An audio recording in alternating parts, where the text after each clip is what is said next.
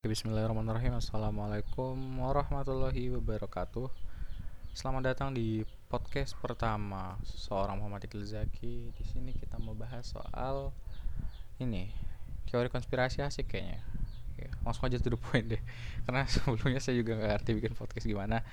Cuma uh, ada yang menarik di sini setelah saya nonton videonya Bapak Mardigu dan Helmiah ya. Kalau teman-teman belum tonton bisa uh, buka YouTube dan nanti buka search di search engine-nya itu Helmi Yahya bicara kalau nggak salah. Nah di situ menarik sekali karena salah satu yang mereka omongin itu masalah soal virus corona ya.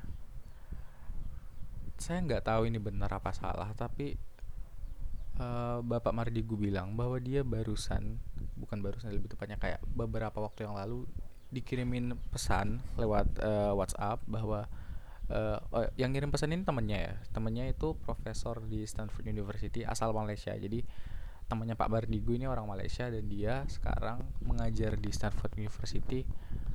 Di mana sih? Amerika Serikat ya? Ya saya kurang tahu sih pokoknya. Nanti koreksi aja kalau salah. Nah jadi eh, di pesan itu temannya bilang kalau bro kemungkinan virus ini tuh di enrich gitu. Nah aja enrich itu maksudnya apa? Jadi karena begini katanya. Kata teman Pak Mardigu ini ada kemungkinan tiga laboratorium yang bisa mengenrich virus corona.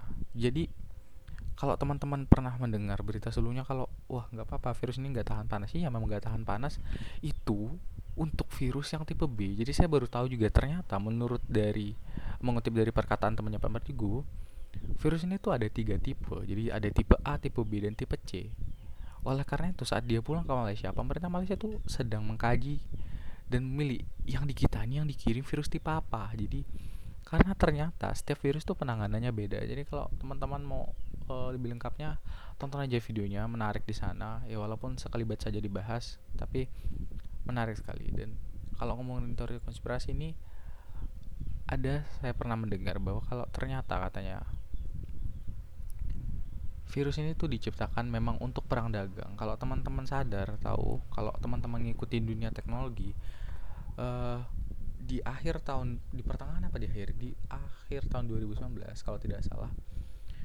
Uh, produk Huawei di Amerika Serikat itu di ban istilahnya. Jadi dan Google pun karena Google karena Google mengembangkan uh, sistem operasi Android ya jadi dan semua HP di luar ekosistem Apple itu pasti pakai enggak semua sih yang populer pakai sistem operasi Android. Nah yang masalahnya adalah Amerika Serikat telah memban Google dan bagaimana sih? Kalau dengar-dengar berita itu merupakan perang dagang dari Amerika supaya mereka tidak kalah lagi di dalam perebutan uh, dalam apa sih perebutan tahta smartphone pintar smartphone pintar eh, HP pintar smartphone ya. Ya menarik sih untuk dibahas karena ada yang bilang juga nah virus corona ini muncul salah satunya karena hal itu. Jadi Cina ya kita ngomong Cina aja ngomong langsung to the point aja Cina katanya itu sengaja menciptakan virus ini karena kenapa? Ini merupakan strategi bisnis mereka.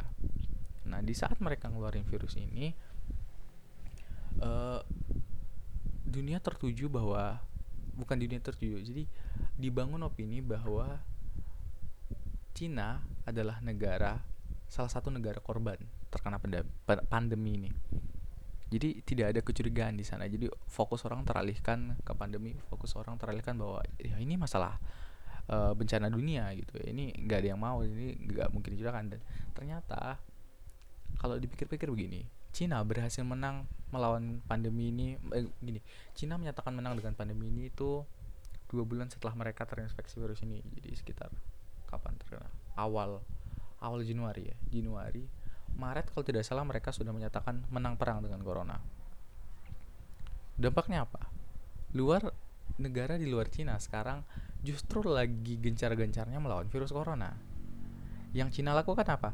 Mereka menjual tips and trick, mereka menjual obat-obatan yang mereka klaim dapat men dapat menyembuhkan virus ini. Itu kan bangsat kata saya. Sengaja saya bilangnya bangsat diam-diam ya. Karena ini lagi di rumah. Nah, ya itu kan gak etis menurut saya. Karena gini, kalau kalau kamu sadar bahwa negara kamu adalah negara yang menyebabkan semua kekacauan ini terjadi minimal kamu beri bantuan sosial gitu ada rasa bersalah di dalam diri kamu kalau kamu menyebabkan semua kekacauan di dunia ini. Tapi yang dilakukan Cina apa ya? Mereka jualan. Itu anehnya mereka jualan. Dan jadinya apa? Ya pasar dikuasai mereka lah.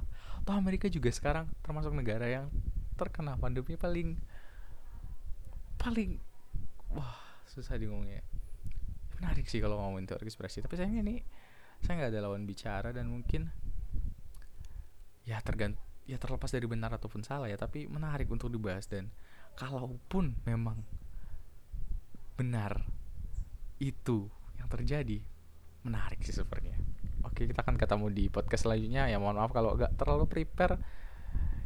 Ya barusan tadi nih download softwarenya dan ini alat-alatnya cuma pun cuma pakai mikrofon earphone biasa.